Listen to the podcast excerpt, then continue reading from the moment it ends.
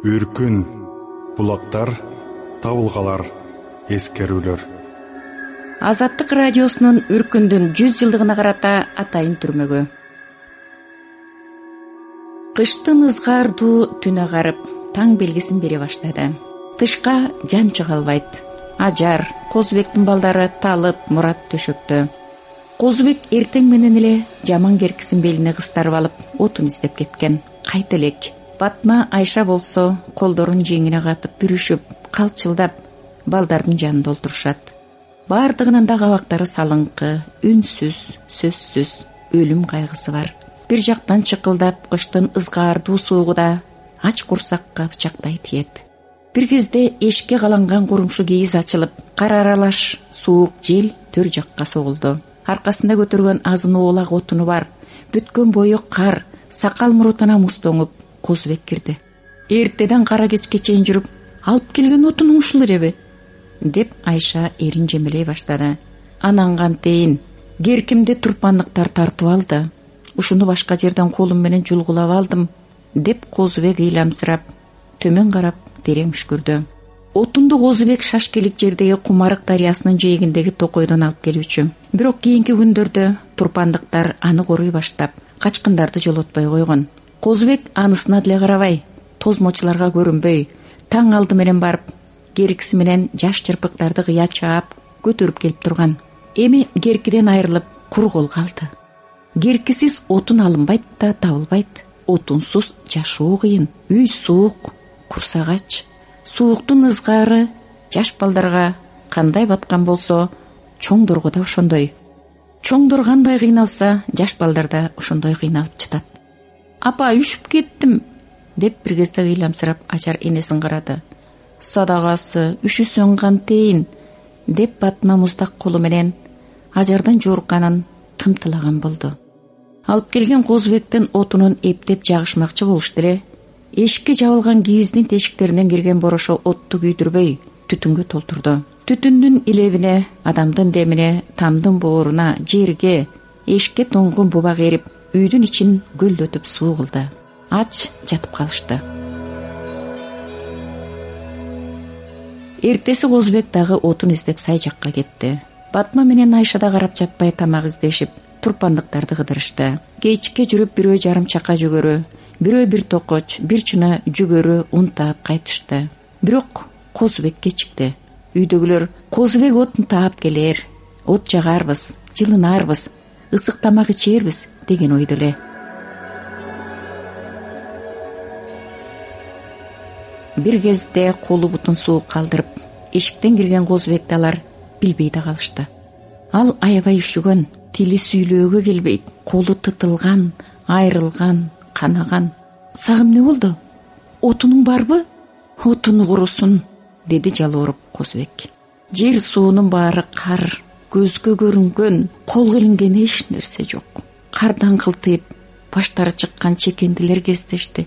Жулгуласам былк этпейт кайсы бир жерден чычырканак алтыгыналар көрүндү. Бирок түгөнүп калсын жабдыксыз эч бир алына турган эмес. Куру кайттым батма айша балдар болуп ишенгени козубек эле.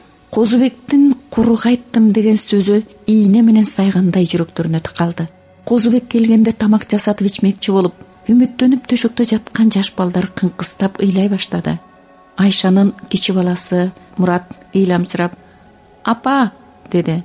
Айланайын эмне дейсиң? Курсагым ачты меники да тоңуп кетти ичим ысып баратат айшанын эки баласы тең өңгүрөп ыйлап жиберишти.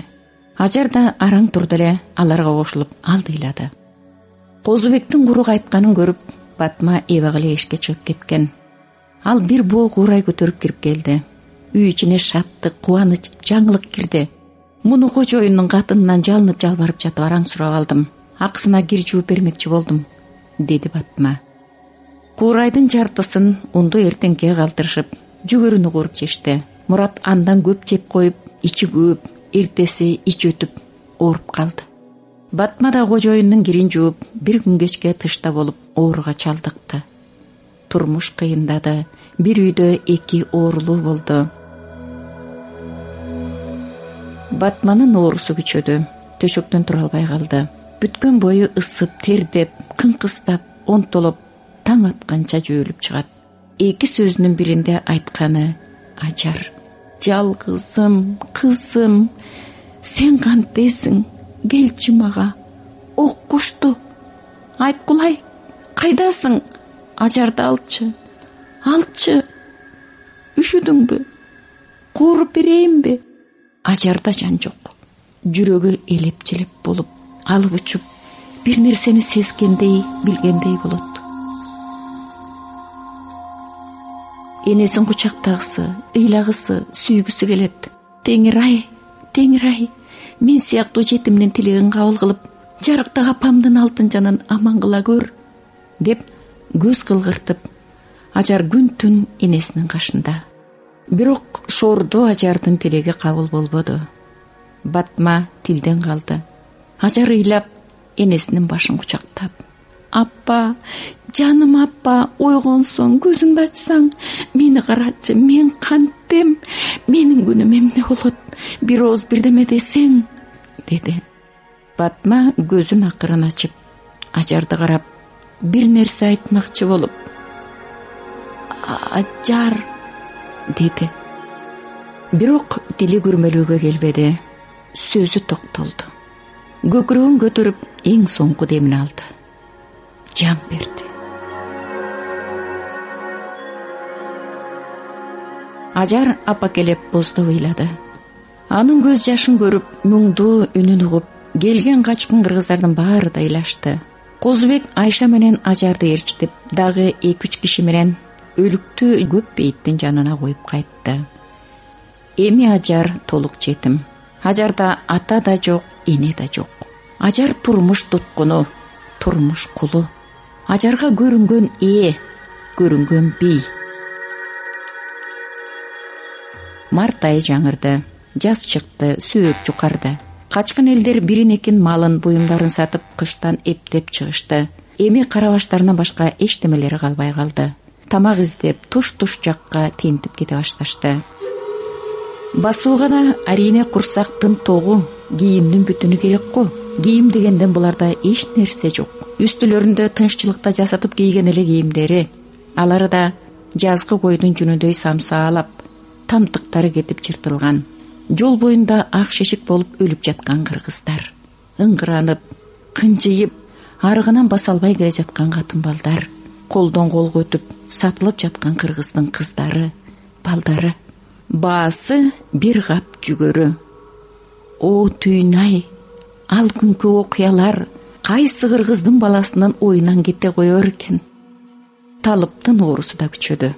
Бүткөн боюн ак шишик алды марттын орто ченинде алды өлдү мүрзөлүк жерди сатып ал деп турпандыктар өлүктү батманын жанына койдурушпады. Сатып алууга козубекте пул кайда? Ичип жээр тамагы жок өздөрү өлүм алдында олтурушат жанга көрүнбөй таң алды менен барып бир тамдын бооруна өлүктү көмүп козубек кайтты элдин бир сыйрасы жөөлөп жалаңдап какшаалдагы кыргыздарга кетмекчи болушту. Козубек да кетмекчи болду. Бирок козубекти сабитахун көчүрбөдү. Кыштан берки болбогон жалган чыгымын айтып берген бир чымчым чайы бир ичим көжөсү болсо да дуулады.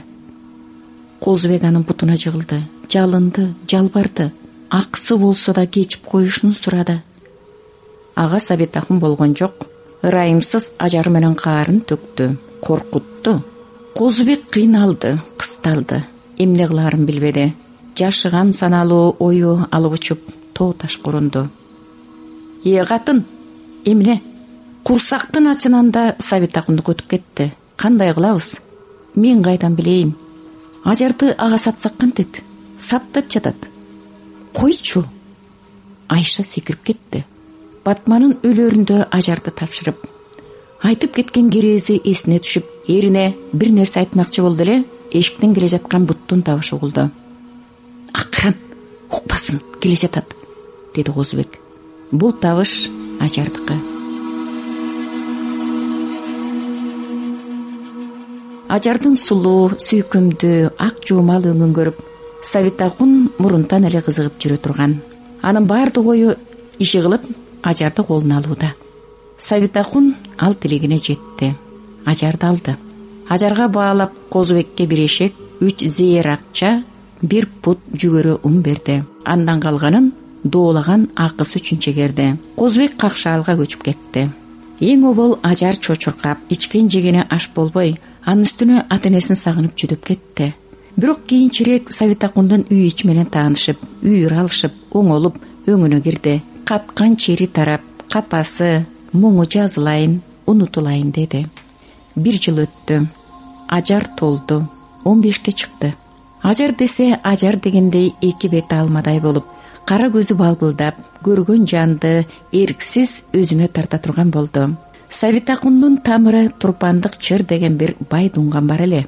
Сабитакунга ал коңшу турчу ажарды ал эки чукурдай көрүп бир күнү сабитакунга келди. Бир олжоң экен досум. Ажарды мага бер бул үчүн эмне алам десең да мына мен даярмын деди чыр. Досум сенден эмне алмак элем? Колумдан чыккан чыгымдарымды төлөсөң гана болгону деди сабитакун чыгымга келгенде сабитакун эшегин ат кылып унун күмүш акча кылып көрсөттү. Андан чыр качкан жок.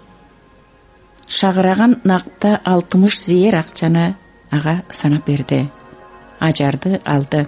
Ажарды алгандагы анын ою карыганда ажарга үйлөнүү. Ошентип аны кучактамакчы сүймөкчү өмүр кызыгын көрмөкчү. Чырдын мындай суук кабарын уккандан кийин ажар ошол жердеги эки үч катын менен энесинин мүрзөсүнө келди